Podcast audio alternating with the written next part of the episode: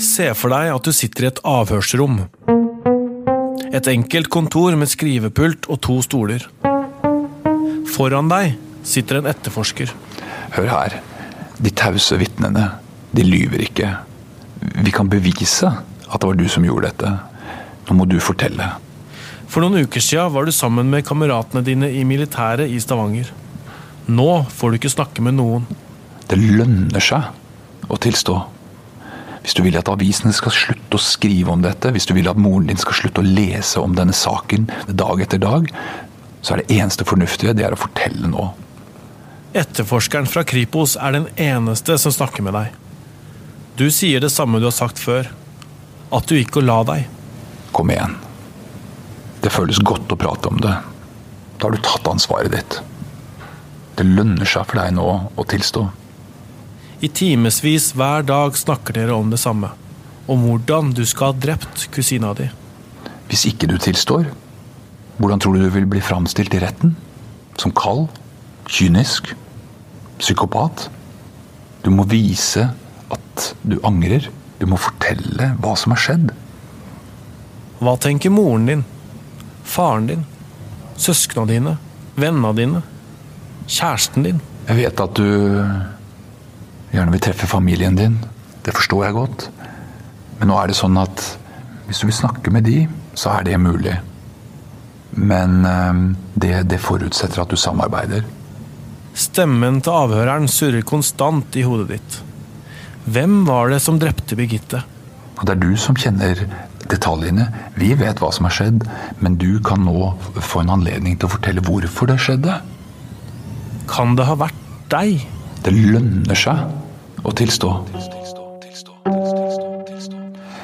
Det er klart, eh, disse teknikkene, hvis, hvis, du hører dette, hvis dette blir gjentatt, ikke bare dag etter dag, men uke etter uke, måned etter måned, um, og du sitter fullstendig isolert, 23 timer i døgnet på en celle, så vet vi fra forskningen at um, det i uh, ytterste konsekvens kan føre til uh, at uh, man tilstår noe man ikke har gjort.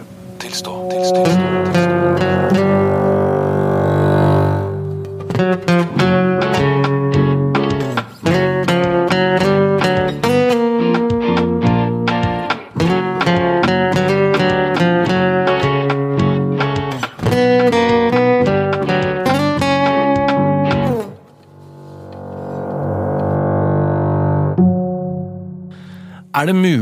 tilstå drap man ikke har begått?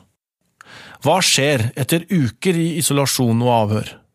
Og hvordan er det å ikke stole på sin egen hukommelse?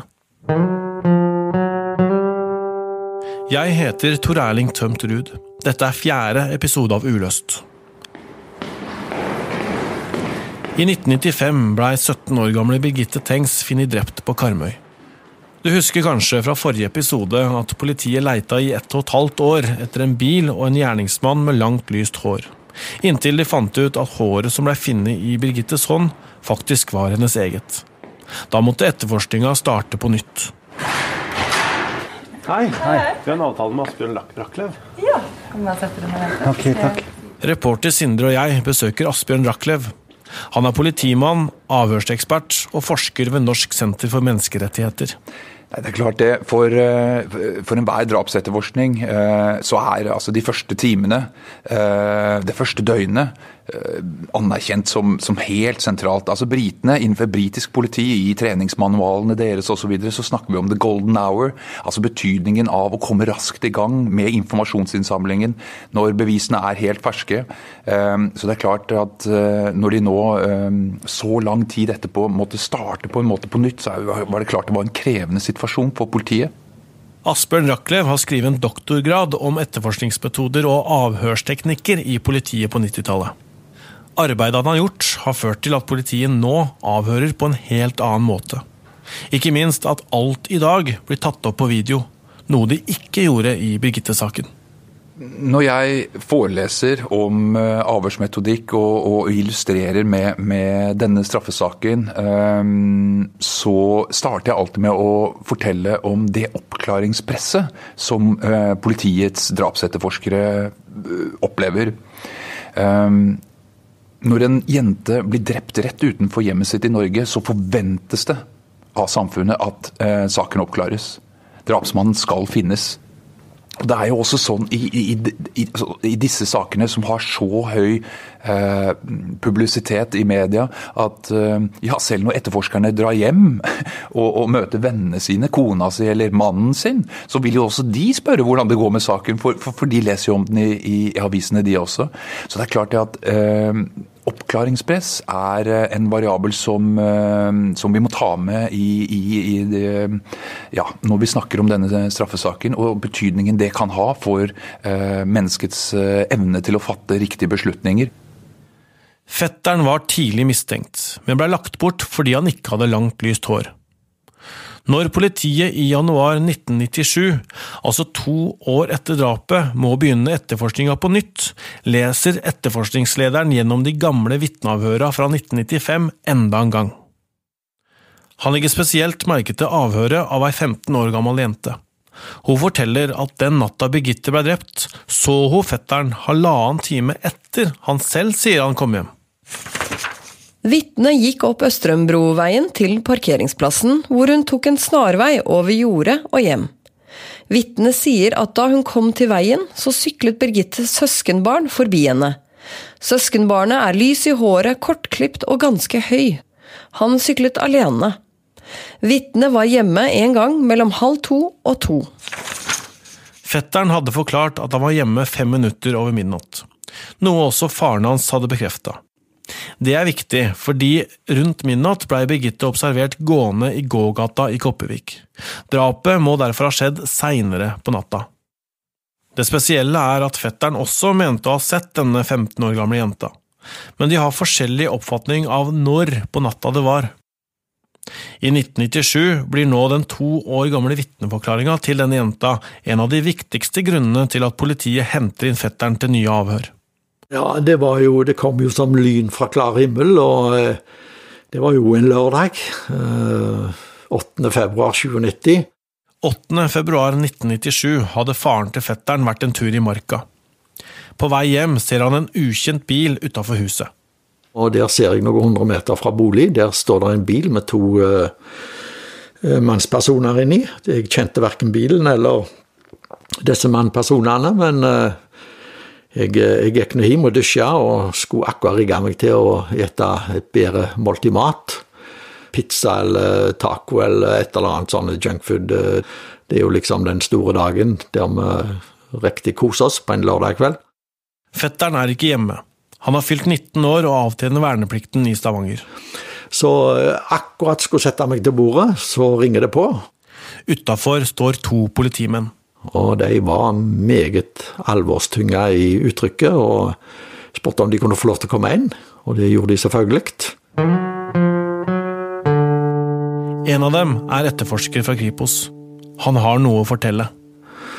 Din sønn er sikta for drapet på Birgitte Tengs.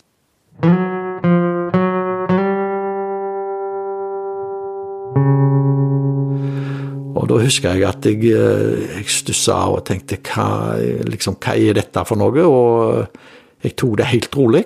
Jeg eh, skjønte ikke helt hvordan dette kunne gå til. Og så spør jeg han hva er sjansen for at dere tar feil på dette?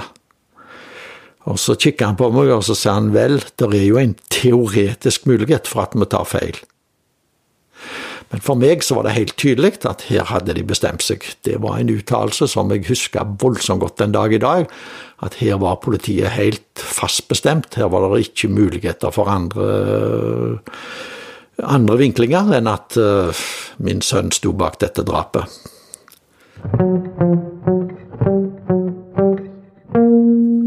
Det var 8. februar i 1997. Da var jeg på jobb Arvid Sjødin er advokat og skulle bli fetterens forsvarer. Denne lørdagen i 97 var han på besøk hos en klient i arresten på politistasjonen i Sandnes. Og da ringer telefonen med et spørsmål om jeg kan møte på Stavanger politistasjon, da det var pågrepet en person i Birgitte-saken. Alle som bor i Rogaland, har hørt om Birgitte-saken, men jeg hadde svært få detaljer når jeg kom inn på den politistasjonen. Og der satt da Kripos-ledelsen. De satt oppe på et kontor som de hadde lånt. Da var fetteren allerede pågrepet og brakt inn til politiet og blitt konfrontert med denne forferdelige anklagen. Arvid Sjødin vil sette seg inn i saken, og spør etterforskerne om sakens dokumenter. Og da beklager de så mye, men de har dessverre feilsendt de. De hadde sendt de til Oslo i stedet for Stavanger, for de hadde tatt det som gitt at det var en Oslo-advokat som ville komme inn i saken. Isteden vil etterforskningslederen fortelle muntlig hva de veit om fetteren så langt. Og det er den første ulykken i den saken eh, innledningsvis. Fordi den forestilling som han gir om hva som har skjedd, er en helt annen enn den virkelighet vi har i dag. Og da så fikk jeg en beskrivelse av en syk gutt som var hjerneskada, og som ikke hadde kontroll på seg sjøl, og hadde et sinne og, og slike ting som han ikke kunne komme seg ut av. Forsvareren blir med for å møte klienten. Første gangen jeg møtte han, så møtte jeg en veldig rolig gutt som jeg ikke klarte å få noe forhold til. Altså, det vil si at han var veldig fåmælt og alt sånn. Én uh, ting husker jeg, og det var det at det lille, korte øyeblikket vi hadde, så spør han meg dømmer man folk som er uskyldige i Norge. Og da sier jeg nei, selvsagt ikke. Det glemmer ikke han, og det glemmer ikke jeg. Vi hadde ikke noen mistanke til han i det hele tatt. Det var for nært. Samtidig får faren til Birgitte, Torger Tengs, beskjed fra politiet at det er nevøen som er sikta for drapet på dattera hans. Så Vi hadde ikke noen mistanke til han i det før politiet kom og fortalte de hadde sikta han. Først så var det jo et sjokk, rett og slett.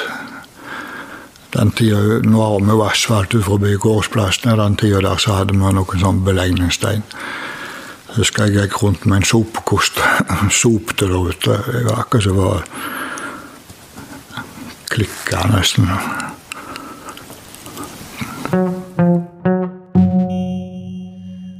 Fetteren blir frakta til Haugesund og blir varetektsfengsla i en måned.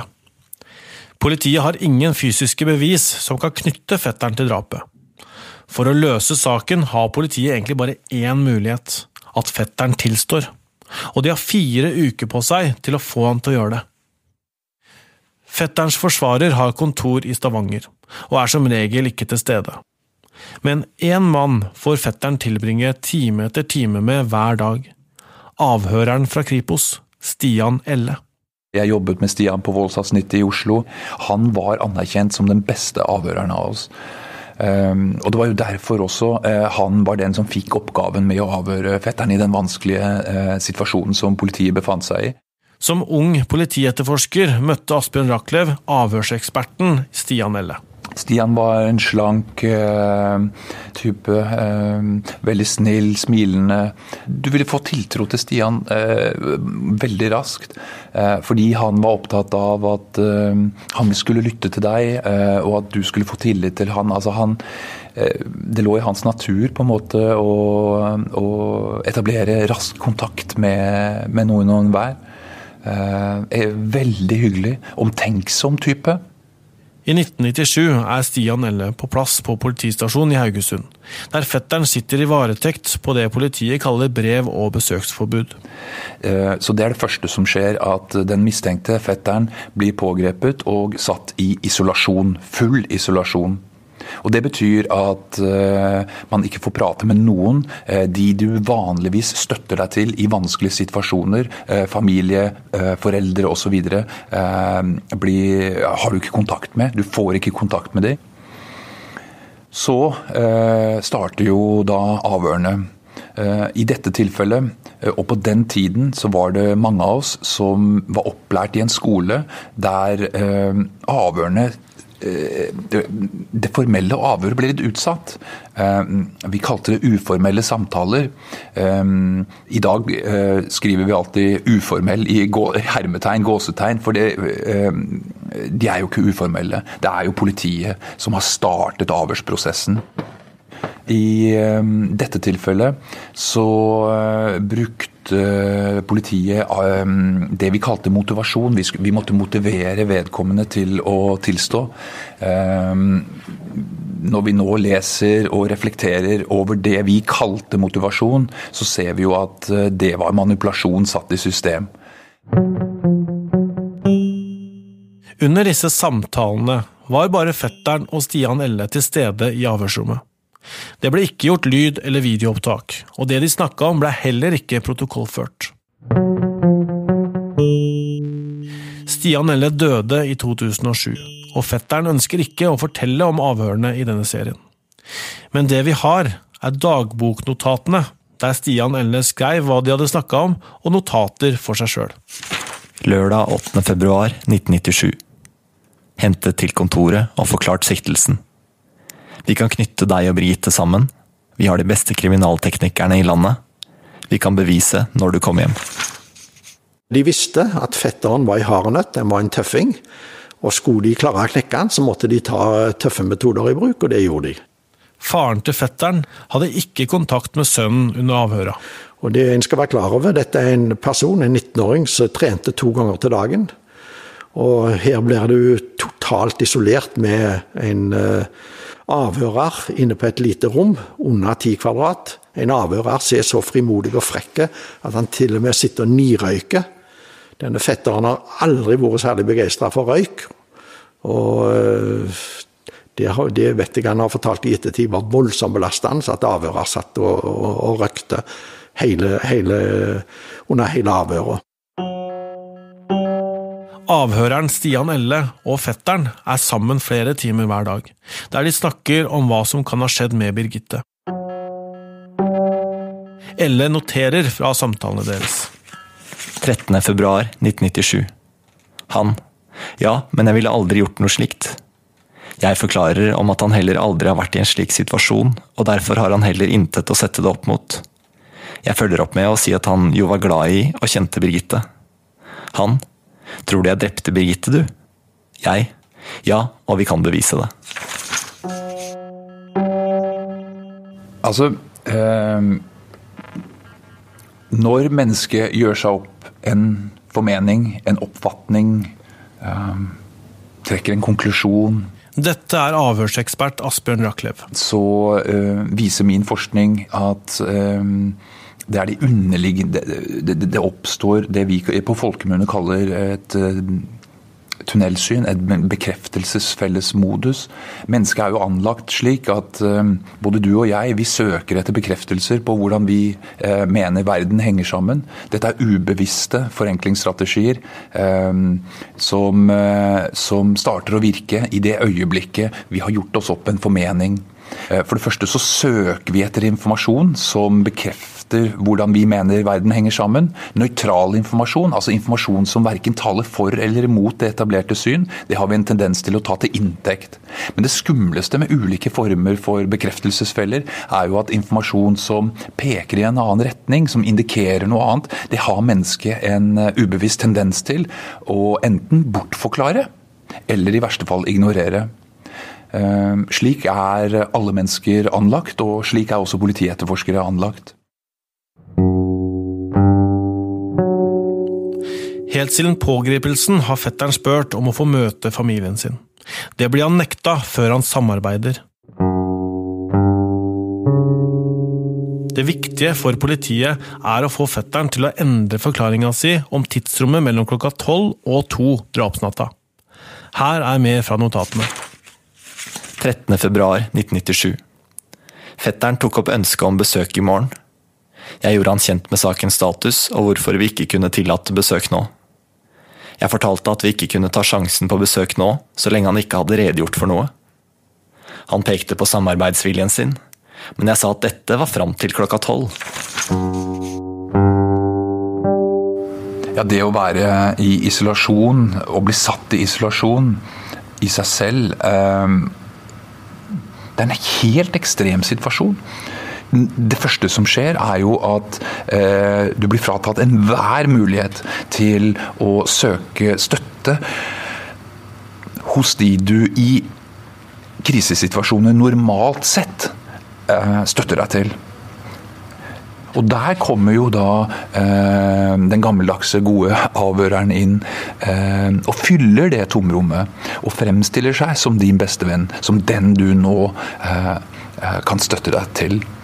Eh, og eh, når du isoleres og fratas muligheten til å treffe moren din, faren din men så kan politiet da fortelle at vel, hvis vi nå eh, får, eh, kommer til bunns i dette, du forteller hva som har skjedd osv., så, videre, så vil jo dette forbudet, isolasjonen, opphøre. Da får du prate med foreldrene dine igjen, da får du snakke med din kjære. Så det er klart at bak en lovnad om å få treffe familien, så ligger det jo også en trussel. Fordi hvis du ikke kommer med med det politiet mener er eh, oppklaringen, ja, så fortsetter jo isolasjonen. Så du trenger ikke å true eh, for å fremsette en trussel.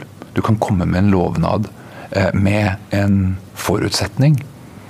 Og det vi også vet, er jo selvsagt at unge, barn, mennesker med redusert kognitiv kapasitet er mer sårbare for manipulasjon enn andre.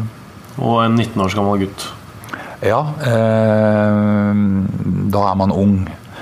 Eh, man liker vel å tro på den alderen at man er voksen, men eh, vi som er voksne, vet jo at man ikke er det. Mens avhøra pågår, er fetteren i fengsel. Og får ikke møte familien, kjæresten sin eller venner. Han får heller ikke følge med på interessene sine. Han er jo eh, genuint interessert i fotball, særlig engelsk fotball. Dette er faren til fetteren. Og uh, han spurte gang på gang om han ikke kunne få lov til å se en fotballkamp, men uh, det ble argumentert med at det tok fokus vekk fra saken, så det kunne han ikke. Men uh, når de begynte å nærme seg, da lokka de med en fotballkamp for å prøve å få litt bevegelse i dette. her. Og det er jo klart, når han var helt på tuppa på slutten, så skulle det ikke mye til for at han lot seg lokke og ville være med på dette. her. Fetteren får tidlig en forståelse av at det som kan ha skjedd, er at hjernen fortrenger en grusom opplevelse. I avhørsnotatene leser vi at fetteren blir spurt om hva hjernen forteller om. 17.2.1997 Hva har hjernen din fortalt deg i helga? De to timene, hjernen har ingen oppfatning av det. Skremmer det deg å ikke huske? Ja, absolutt. Hvilken forklaring har du på å ikke huske? Jeg har ingen grunn. Det er jo det mest skremmende. Jeg får ingen hjelp i hodet, for jeg har hele tiden trodd noe annet. Man kan miste litt grepet over virkeligheten hvis man ikke får eh, nær sagt, eh, stimulanse fra, eh, fra noe annet enn å sitte i avhør. Pål Grøndal er rettspsykolog og vurderer tilregneligheten til siktede i alvorlige straffesaker.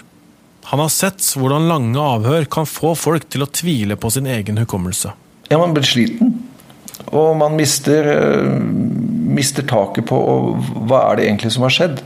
Hvis man bare er sammen med mennesker som, som, som mener at du nok er gjerningspersonen, og de tretter deg ut og og, og, og, vi vet jo at hukommelsen er ikke som et sånt lydbånd som tar opp absolutt alt som skjer. Hukommelsen er, er noe som konstrueres i hjernen. Og da kan man begynne å, å, tvile på seg selv. Man blir trøtt og sliten og tviler på seg selv og lurer på om, om, om andre vet noe som man selv ikke vet. Og da, da kan det hende at man, man, rett og slett svikter i bedømmelsen og sier ting man ikke skulle ha sagt, uh, og som kleber ved deg ganske lenge.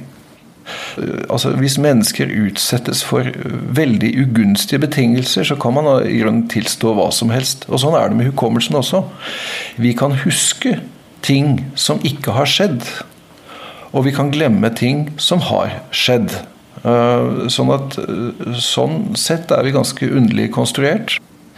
Er det mulig å fortrenge et drap? Altså i din erfaring? Nei, det er ikke mulig å fortrenge et drap. Fordi eh, et drap er så spesielt.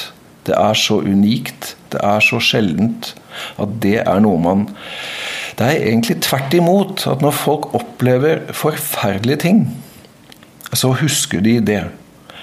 Jeg tror de fleste kan eh, huske en fryktelig skamfull episode av sitt liv, og de husker den plagsomt godt. Det er som det er limt inn i hukommelsen.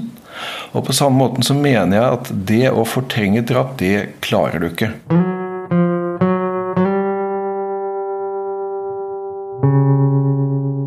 I varetektsperioden har fetteren besøk av forsvareren sin, Arvid Sjødin. Elle noterer. Sjødin fortalte om liten sannsynlighet for å komme ut nå. Fetteren sa han allerede er dømt blant folk ute. Sjødin sa ingen tror politiet har tatt feil mann. Fetteren får beskjed av politiet om å skrive en historie, nærmest et filmmanus, der han ser for seg hvordan Birgitte kan ha blitt drept. Fetteren får en liste med oppgaver som må besvares. De fant vi i notatene. Lage en fortelling som tar utgangspunkt i Koppevik. Hvor er Birgitte? Følge henne ut av Koppevik. Hva snakker hun om? Hva tror han skjedde på veien? Hva går galt, og hvorfor skjer det? Avhørsekspert Asbjørn Rachlew har sett grundig på disse metodene. Det vi vet, eh, det er jo at eh, fetteren fikk eh, hjemmelekser på cella si. Han ble, jo, han ble jo også stilt hypotetiske spørsmål, sånn, nemlig at dersom du hadde vært gjerningsmannen, hvordan hadde dette da forløpt seg? For det var jo det, ikke sant? det er jo det vi må huske på hele tiden. at Formålet med disse avhørene, med disse samtalene, med alle disse, eh, med denne manipulasjonen, formålet med det var jo å få vedkommende til å tilstå. Til å akseptere eh, politiets eh, versjon av hva som hadde skjedd. Så de ble anbefalt at, at, at fetteren skulle gå hjem tilbake på cellen og se for seg hvordan dette kunne ha skjedd. I den tro om at, um, at det skulle hjelpe ham over en form for terskel som de var overbevist da, om at han trengte hjelp for å komme over. I de fleste avhøra er fetteren aleine med Kripos-etterforskeren Stian Elle, uten advokaten sin Arvid Sjødin. Sjødin holder til i Stavanger og pendler til politistasjonen i Haugesund. Altså, den ene gangen jeg kom opp, og før han skulle i avhør, så kom han til meg med en lapp der han hadde sittet på fengselet, og der han hadde skrevet at det var jeg som drepte Birgitte. Og igjen så ble det stilt kritiske spørsmål fra meg om han husker dette, hvor han hadde det fra, hvorfor han hadde gjort det, og slike ting. Han, ikke, han kom ikke inn på om han huska det i det hele tatt.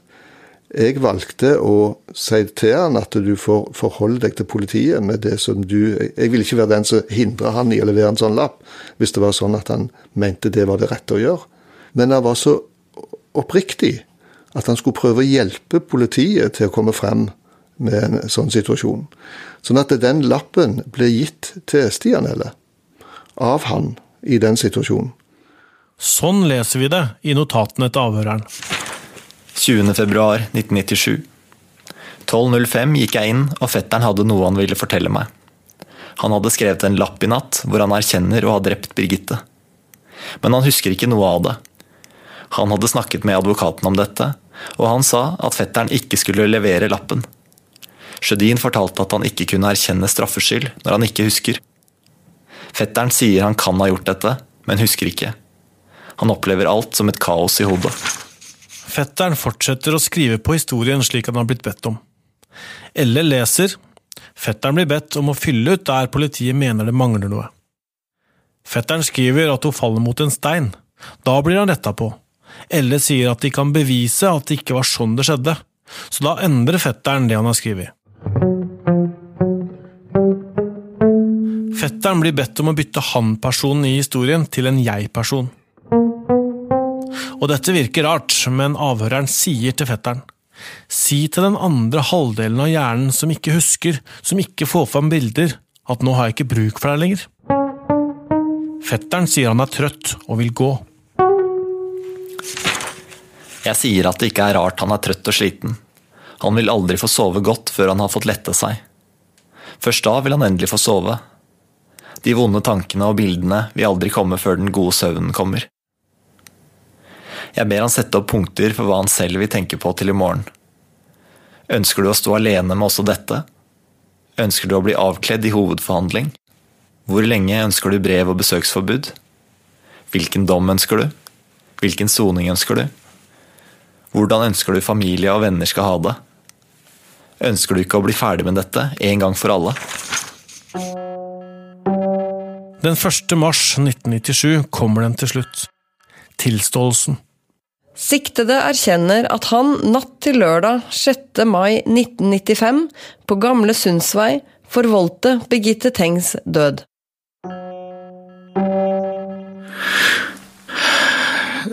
Jeg har lyst til å snakke litt om tilståelsen.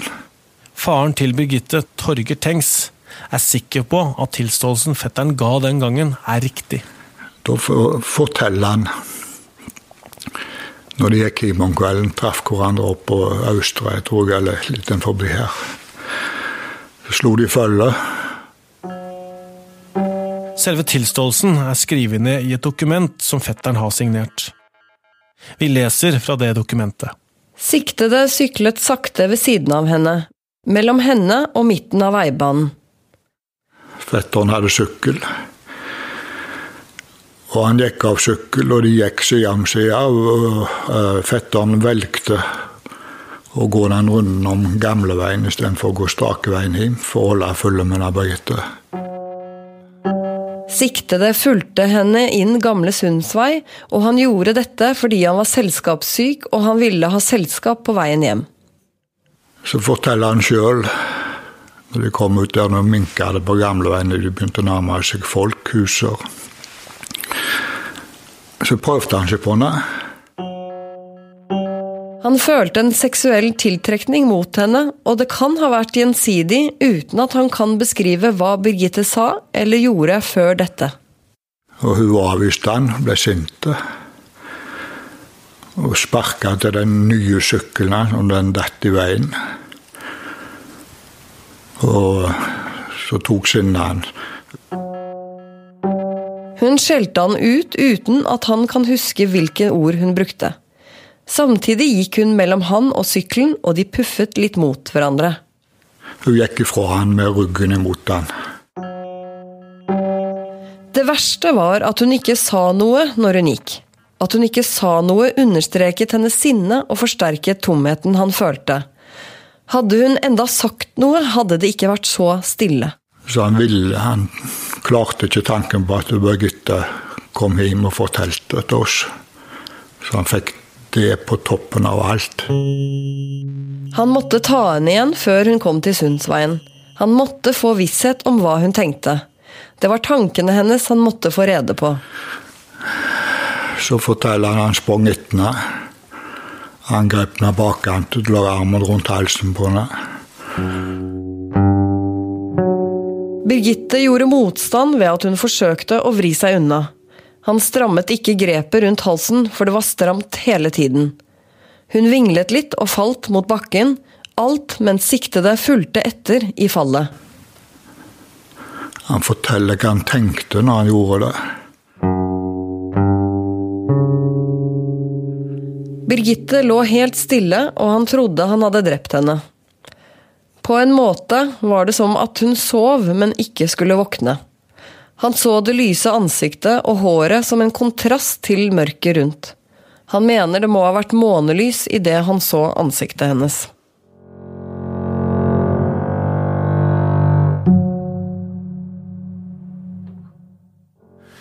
Eh, noen mener jo at eh, den tilståelsen ble presset fram. Nei. Den ble ikke presset fram. Han fikk jo lov å snakke akkurat som han ville sjøl. Han fikk pauser, han fikk lufteturer. Den tilståelsen kom ifra han sjøl og ingenting annet. Han hadde nettopp vært i førstegangstjeneste. Han var i toppform fysisk, psykisk.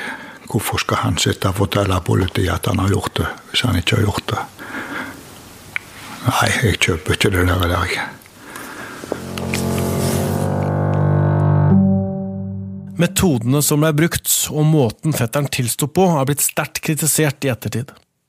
Politiet har nå helt nye metoder de bruker i avhør, og målet er ikke lenger å måtte få fram en tilståelse. Dette er basert blant annet på det arbeidet Asbjørn Rachlew har gjort. Og, og, det, og, det, gjør vi jo da ved å undervise etterforskerne til å, å, å forsøke eh, i sine forberedelser å identifisere alle mulige årsaker og uh, forklaringer til at vedkommende kan være uskyldig, til tross for at vi sitter med informasjon som indikerer det motsatte. Innad i politiet har ikke Rachlew vært særlig populær hos alle, etter at han endra gamlemåten å avhøre på. Men han forstår at det kan være vanskelig å innse at det blei gjort feil. Så Vi ser jo ofte i straffesaker at eh, politiet ikke erkjenner feil og, og, så videre. Uh, da må vi være klar over at det har nok ikke med ond vilje å gjøre. Det har med en indre overbevisning om at det var ikke feil. Altså Det finnes mange ulike former for, for eh, bekreftelsesfeller. Eh, felles for dem det er at når du med bakgrunn i den konklusjonen du har trukket, foretar deg noe som forplikter deg til det etablerte synet du har If you make a commitment, så forsterkes effektene. Og det er klart at en varetektsfengsling er en, en veldig sterk commitment. Så um, at etterforskerne i denne straffesaken har bevart sin overbevisning, som de hadde den gang, som de etablerte den gang, som de investerte ekstremt mye i den gang, det er helt naturlig. Det skal faktisk ganske mye til eh, å forandre mening. Det eneste som kan forandre det, er på en måte uomtvistelige, harde fakta som det ikke går an å bortforklare, på en måte. Ja, Da ringte telefonen, og det var Arvid Sjødin som spurte om jeg kunne ta meg en tur ned på lensmannskontoret. På lensmannskontoret blir faren til fetteren tatt imot av forsvarer Arvid Sjødin og en politimann. Og De var jo alvorstynga begge to, og de forklarte at uh, det foreligger en tilståelse. Og da husker jeg at jeg uh, sier uh, Faen, her er noe som ikke stemmer, Arvid, sier jeg. Og da sier Sjødin at du må innse at du har sovna. Forsvareren mener med det at faren må ha tatt feil da han lå på senga og så sønnen komme hjem rett etter midnatt drapsnatta. Ifølge tilståelsen kom fetteren hjem først to timer seinere, og hadde dermed tid til å drepe Birgitte. Arvid Sjødin har jo aldri trodd at vi har bløffa og løyet noen gang. Men han uh, mente på at den naturlige forklaringen var at jeg hadde sovna, og at fetteren hadde kommet hjem klokka to. Det er klart at Da gir du opp. Når, uh, når din egen advokat ikke tror på de historiene, men forholder seg til det politiet sier, da gir du opp. Så da kapitulerte jeg. Da ga jeg opp hele greia.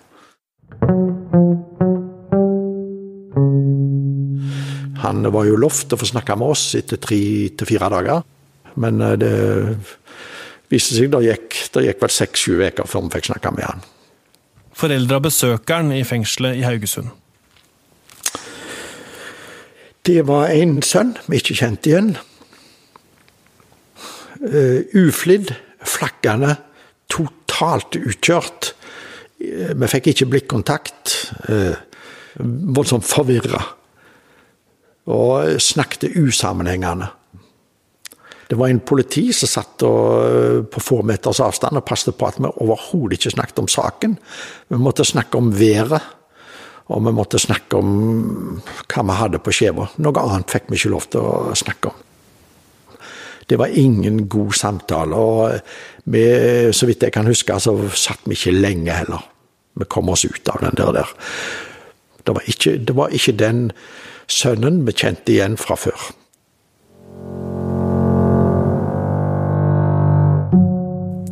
Fetteren blir flytta til fengselet i Bergen mens de venter på at rettssaken skal starte.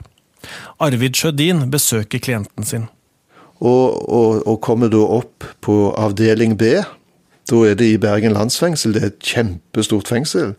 der en må gå gjennom store porter og komme inn forbi murene, inn til vakta, og så får en lov å gå opp, og så får en et besøksrom i en av de små bygningene som ligger oppi der. Og der kom han inn, og der satte vi oss ned. Og når vi sitter der, så begynner han plutselig å gråte. Og han gråter, og han kan ikke forstå noen ting. Så spør jeg hva er det som er gale? Og det han da sier til meg, det er at han satt i avhør på politiet i, i, i Haugesund. Og da hadde han fått beskjed om det. At hvis han ikke tilsto det som de visste han hadde gjort, så ville han leve med et problem resten av livet fordi at han ville ha mareritt. Han ville aldri kunne sove en hel natt, og han ville få store problemer fremover. Og når han sitter der oppe, så sier han det at de sa at jeg ville få mareritt hvis jeg ikke tilsto. Men jeg tilsto, og nå har jeg mareritt hver eneste natt. Så sier jeg hva er det du ser i disse marerittene? Jo, forteller han.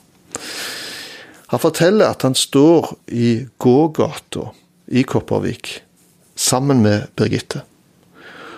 Og da kommer alle folka i Kopervik mot han, og så roper de 'Du har drept Birgitte, du. Du har drept Birgitte, du'. Men, sier han, Birgitte går foran deg, og så står hun og stopper folk, og så sier hun 'Nei, det er ikke han som har gjort det'. Nei, det er ikke han som har gjort det. Og dette gjør at han våkner i svette hver natt og drømmer om dette. Og det er det som ga meg det signalet til at her er det noe riv ruskende galt. Så det første jeg gjorde når jeg kom ut, det var jeg ringte faren og fortalte om dette. Så begynner vi å diskutere, og kommer til at det der er jo ingenting, bortsett fra den tilståelsen, som kan knytte han til en sånn handling. Den 11. august 1997 trekker fetteren tilståelsen. Fetteren har tilstått, han har beskrevet hva som skjedde med Birgitte. Han har trekk i alt sammen, men politiet mener det er nok. Det er det eneste beviset de har. Hva skjer når fetteren både blir frikjent og dømt i samme rettssak? Hør mer i neste episode av Uløst.